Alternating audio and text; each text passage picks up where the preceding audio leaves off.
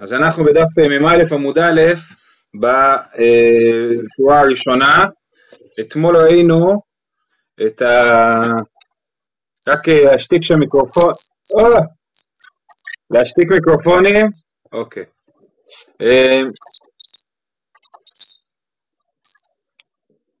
כן, אז בשורה הראשונה, אתמול ראינו סיפור על רב, רבי זרע שמספר שהוא ראה את רבי אבאו שוחה בשבת והוא לא יודע אם הוא, אם הוא עמד על הקרקע או לא ועכשיו אנחנו פותחים עם עוד סיפור שרבי זרע ראה את רבי אבאו עושה איזשהו משהו משונה והוא מתלבט מה בדיוק קרה שם.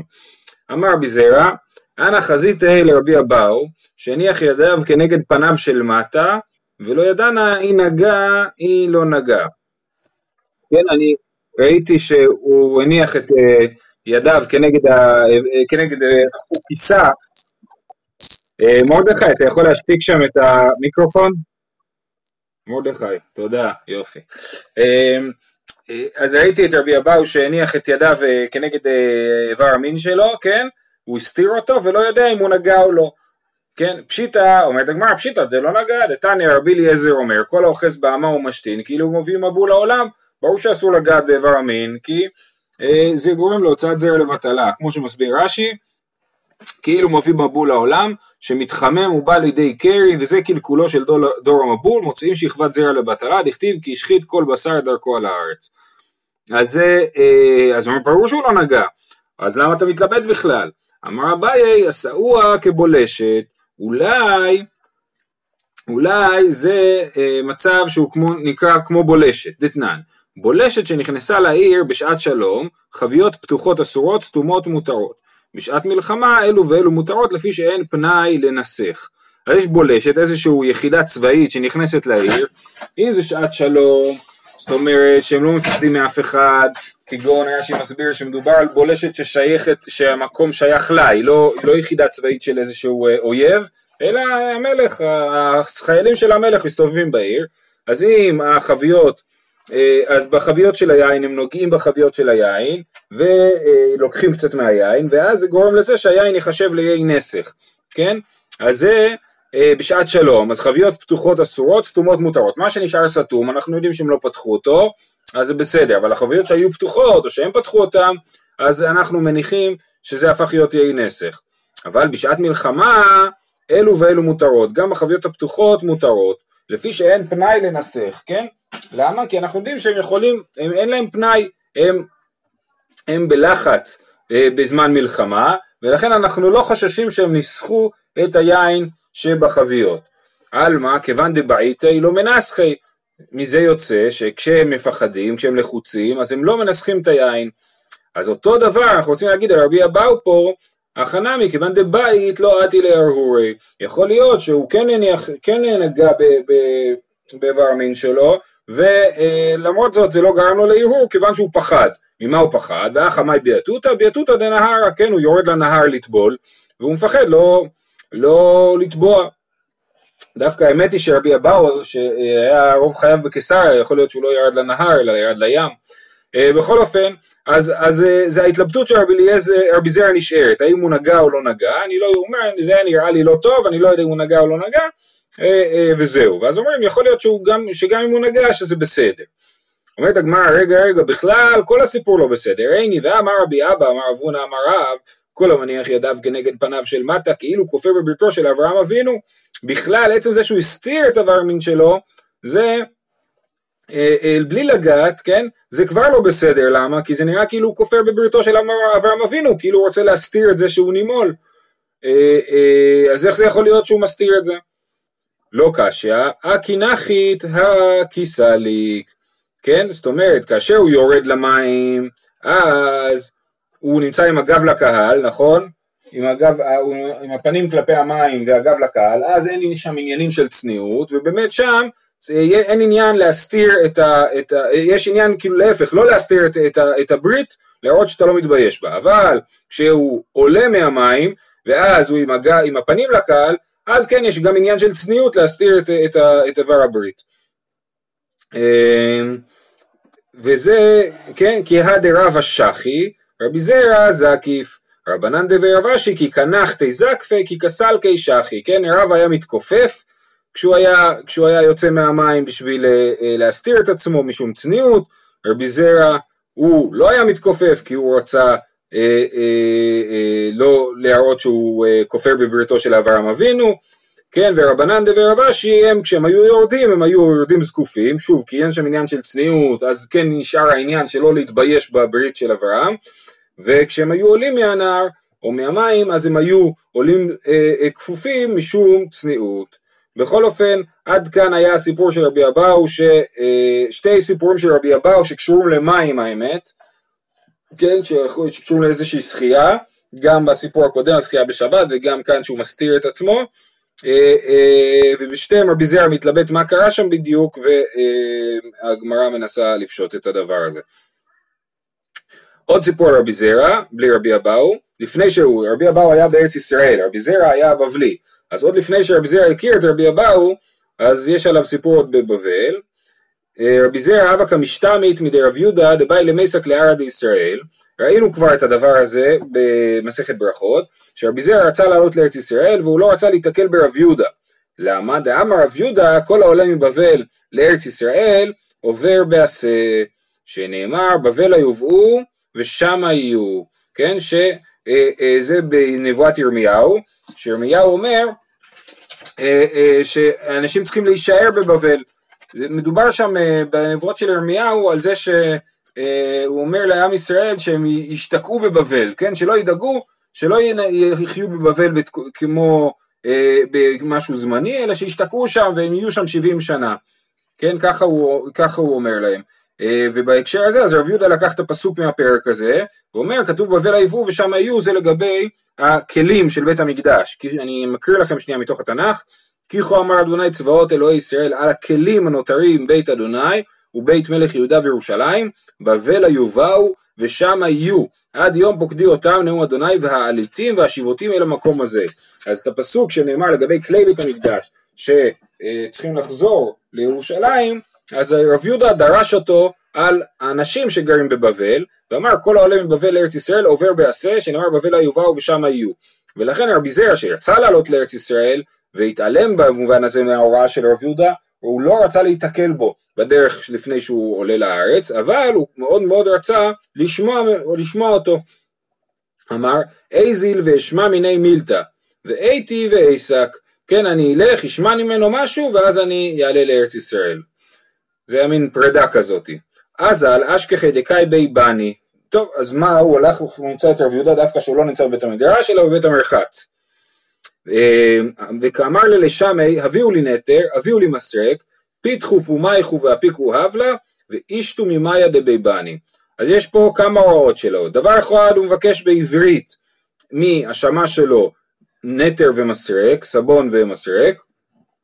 דבר שני, הוא אומר בארמית, פיתחו את פיכם והוציאו הבל, ואחרי זה אומר, תשתו מים של בית המרחץ. אמר רבי זרע שמע את זה ואמר אלמלא באתי אלא לשמוע דבר זה די. כן הנה שמעתי פה דבר גדול. מה הוא שמע? אומרת הגמרא בישלמה אביהו נטר אביהו מסרק. כמה שמלן דברים של חול מותר לומר בלשון קודש שזה ראינו בדף הקודם את העניין הזה שמותר לומר דברים של חול בלשון הקודש בבית המרחץ אבל אסור לומר דברים של קודש אפילו בלשון חול. אז זה, הוא רואה שרב יהודה דיבר בעברית בבית המרחץ. פיתחו פומייכו והפיקו הבלה, כן? מה העניין בדבר הזה? נמי כדשמואל, דאמר שמואל הבלה מה פיק הבלה, כן? השמואל הסביר, ושמואל היה גם רופא, שההבל מוציא את ההבל, ההבל, הלחות והחום של בית המרחץ, הם מוציאים זיעה.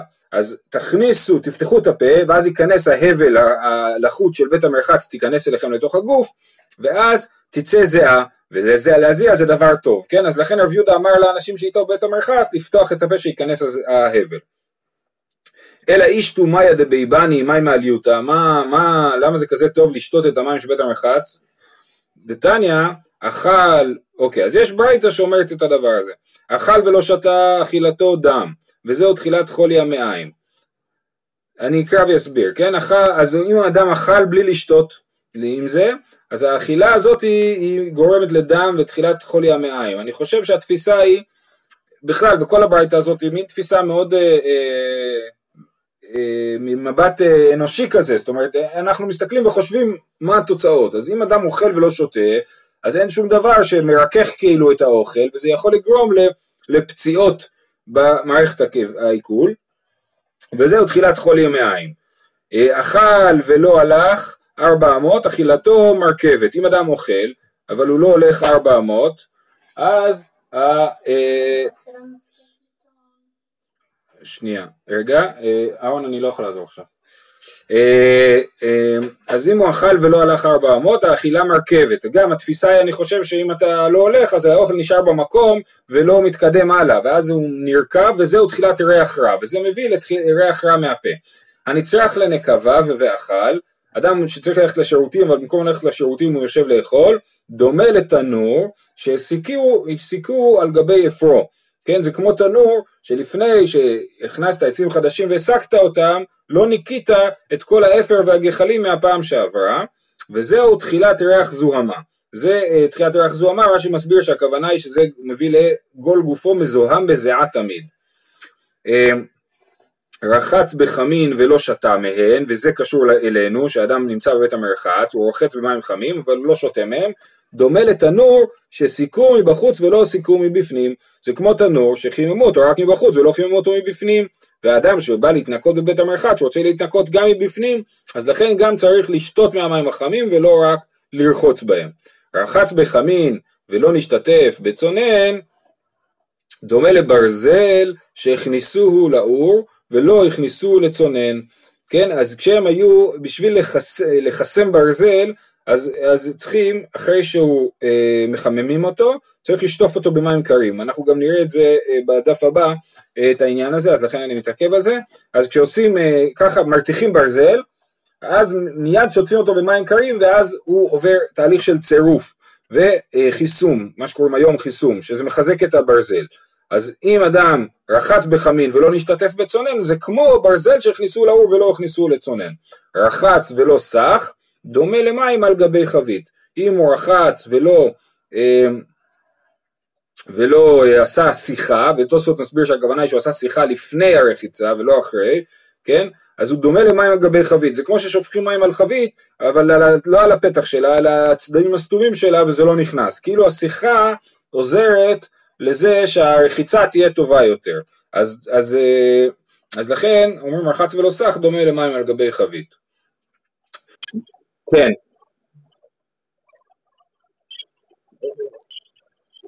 זאת שאלה טובה, מאיזה מים חמים הוא שותה, אני, אני לא יודע. זה נראה שהוא שותה מהמים של בית המרחץ, ככה הוא אומר להם. הוא אומר להם, אה, תשתו ממים דבי בני, כן? תשתו מהמים של בית המרחץ. שזה...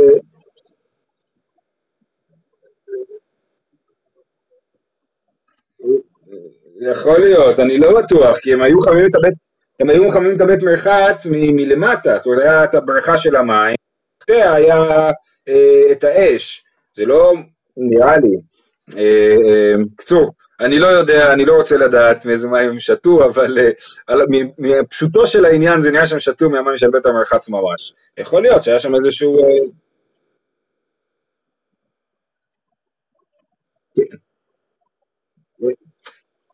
נכון, נכון, אתה צודק, מצד אחד, מצד שני, רוב הרחיצה שלהם כן הייתה בבית מרחץ, אבל אה, בסדר, אני לא... בסדר.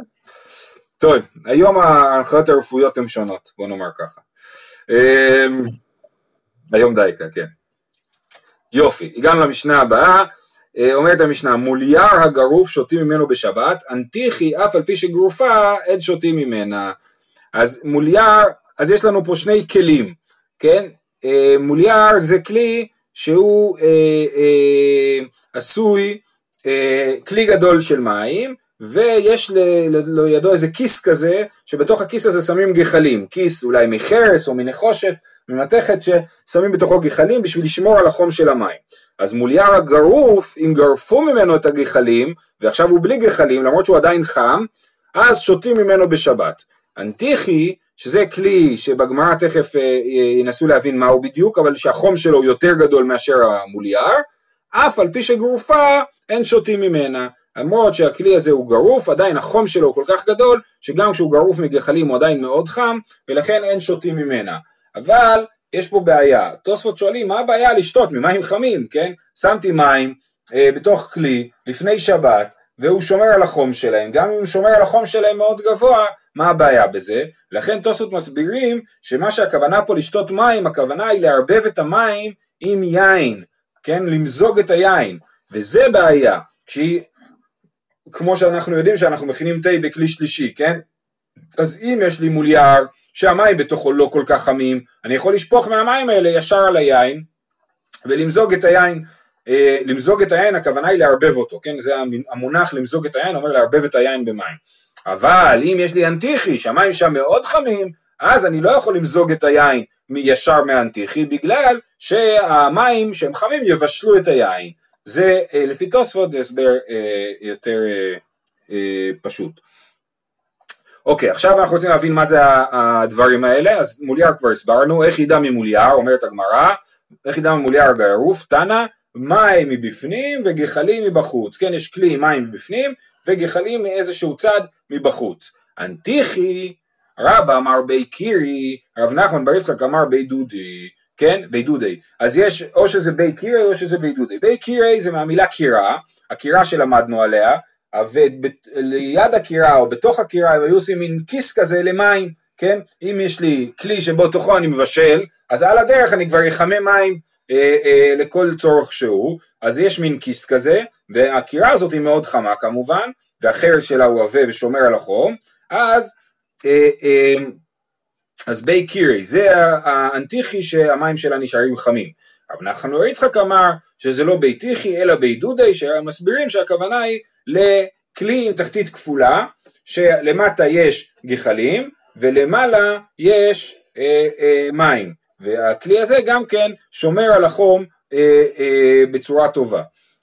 אה, מאן דאמר בי דודי כל שכן בי קירי, מי שאומר שאנטיחי זה בי דודי, רב נחמן בר יצחק, אז ברור שהוא חושב שבי קירי אסור להשתמש בהם גם כן בשבת, כי זה עוד יותר חם מהבי דודי. ומאן דאמר בי קירי, אבל בי דודי לא. אה, מי שאומר שאנטיחי זה בי קירי, זה, זה אמרנו זה המים שבתוך הקירה, אז הוא חושב שבי דודי הוא פחות חמור, ומותר להשתמש בו בשבת כמו מול יער, כן? זאת אומרת, בי דודי הוא, אנחנו לא ברור לנו אם הוא, אם הוא האנטיחי, אם הוא לא האנטיחי אז בעצם הדין שלו הוא כמו מול יער שמותר להשתמש בו. תניא קבתי דרב נחמן, אנטיחי, אף על פי שגרופה וכתומה אין שותים ממנה, מפני שנחושתה מחממתה, כן?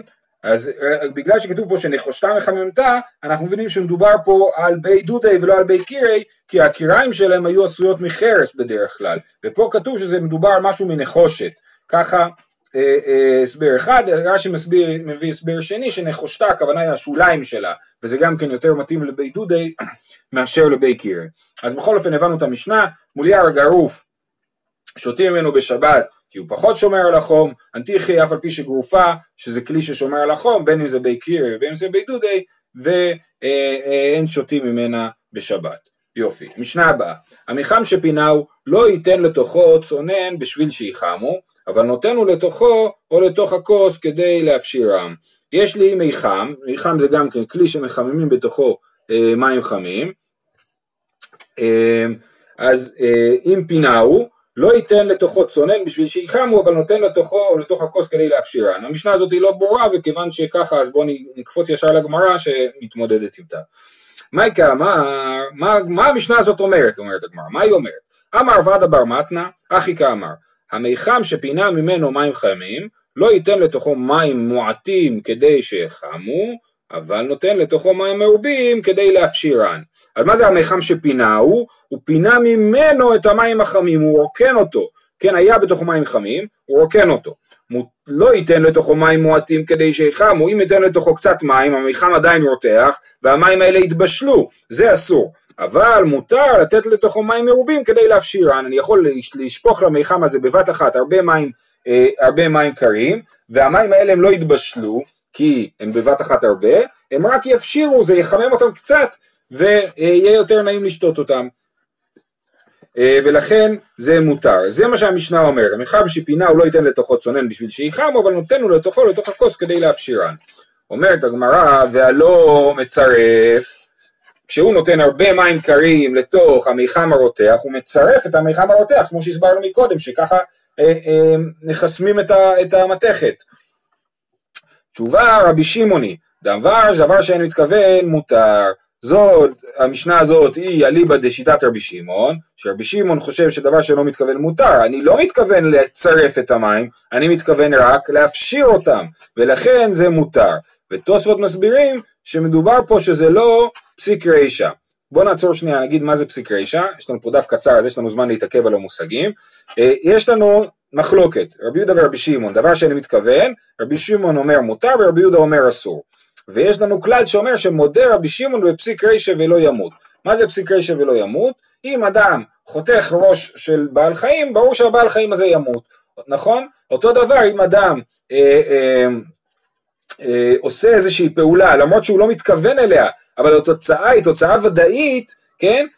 כמו לחתוך ראש של אה, בעל חיים אה, והוא ימות, אז התוצאה ודאית היא אסורה למרות שהוא לא מתכוון. אז אם ככה, במצרף הזה, אם אני אומר שלתת מים קרים לתוך ברזל זה מחזק אותו, אז גם אם אני לא מתכוון לזה, זה לא משנה, כי זה בטוח יקרה. ורבי שמעון גם אה, מודה שדבר שבטוח יקרה, אסור לעשות אותו כאילו אתה מתכוון.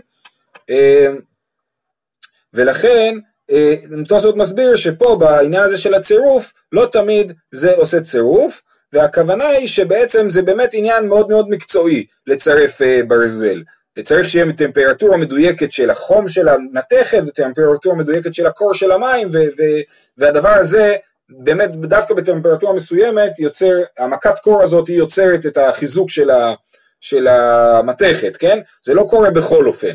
אז, אז כיוון שלא בטוח שהוא מצרף, והוא לא מתכוון לצרף, אז זה מותר לשיטת רבי שמעון. לשיטת רבי יהודה זה אסור, למה? כי אולי הוא יצרף, והספק הזה זה אסור, אסור לו לעשות דבר כזה, למרות שהוא לא מתכוון אליו, אסור לו לעשות אולי מלאכה. אמ, אוקיי, אז אמרנו רבד אבר רבא הסביר שמדובר על מי חם שפינה אותו מהמים החמים אה, אה, ומילא בתוכו חזרה מים. אז מותר לשים הרבה מים, אסור לשים מעט מים. מתקיף לאביי, מידי מיחם שפינה ממנו מים קטני? מיחם שפינהו קטני. לא כתוב מיחם שפינה ממנו, כתוב מיחם שפינהו. מה זה מיחם שפינהו? שהוא פינה אותו מהאש. המיחם היה על האש, והוא פינה אותו מהאש, ולא פינה ממנו את המים החמים. אלא אמר אביי אחי כאמר, הממיחם שפינהו ויש בו מים חמים, לא ייתן לתוכו מים מועטים בשביל שיחומו, אבל ניתן לתוכו מים מרובים כדי להפשירם, כן? אז uh, מותר לתת לתוכו, uh, uh, שוב פעם, הרבה מים בשביל להפשיר אותם. אבל מיחם שפינה ממנו מים, לא ייתן לתוכו מים כל עיקר מפני שמצרף. אבל אם מדובר על מיחם שפינה ממנו את המים, זה אסור, לכן המשנה לא מדברת על מיחם שפינה ממנו את המים, אלא רק מיחם שפינה אותו מעל האש עם המים בתוכו. על מיכל שפינה ממנו את המים אסור לשים לתוכו מים קרים מפני שהוא מצרף והמשנה היא אליבא דשיטת רבי יהודה, רבי יהודה היא דאמר דבר שאין מתכוון אסור. אז יש לנו פה מחלוקת רב עדה ואביי, האם המשנה מדברת לשיטת רבי שמעון ואז היא מדברת על מיחם שפינה אותו ממים חמי, חי, אה, פינה ממנו מים חמים, או שהמשנה היא לשיטת רבי יהודה ש... חושב שדבר שאני מתכוון אסור, ואז מדובר על מיחם שפינה אותו מעל האש, אבל עדיין יש בתוכו מים חמים, וכשיש בתוכו מים חמים, אז לא נוצר צירוף כשהוא ישפוך לתוכו מים קרים, אפילו אם הוא ישפוך לתוכם הרבה. אבל פוסקים הלכה כרבי, כרבי שמעון. הלכה כרבי שמעון שדבר שאני מתכוון מותר, כן. אה, אה, אה, השאלה שלך היא שאלה טובה, למה אביי אה, אה, מציב את המשנה כשיטת רבי יהודה הדחויה, אה, והתשובה לזה היא ש...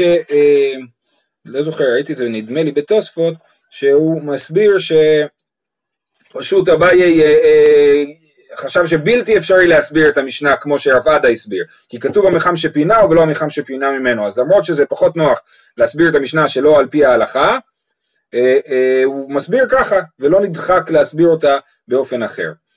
אה, וזה בניגוד למשנה הראשונה בתחילת הפרק שנדחקנו מאוד להסביר אותה על פי ההלכה אה, אה, למרות שזה לא היה, לא הסתדר יפה בתוך המשנה. אוקיי, אמר רב, אוקיי עכשיו יש לנו פה עוד מחלוקת רב ושמואל לגבי המשנה. המחלוקת שראינו עכשיו בין רב עדה בר מתנה לבין אביי היא מחלוקת מאוחרת יותר פה יש אמירה של רב ושמואל, אמיר, אמירות קצרות על המשנה, אה, לא ברורות במאה אחוז, אבל הגמרא תנסה להסביר. אמר רב, לא שנו אלא להפשיר, אבל לצרף אסור.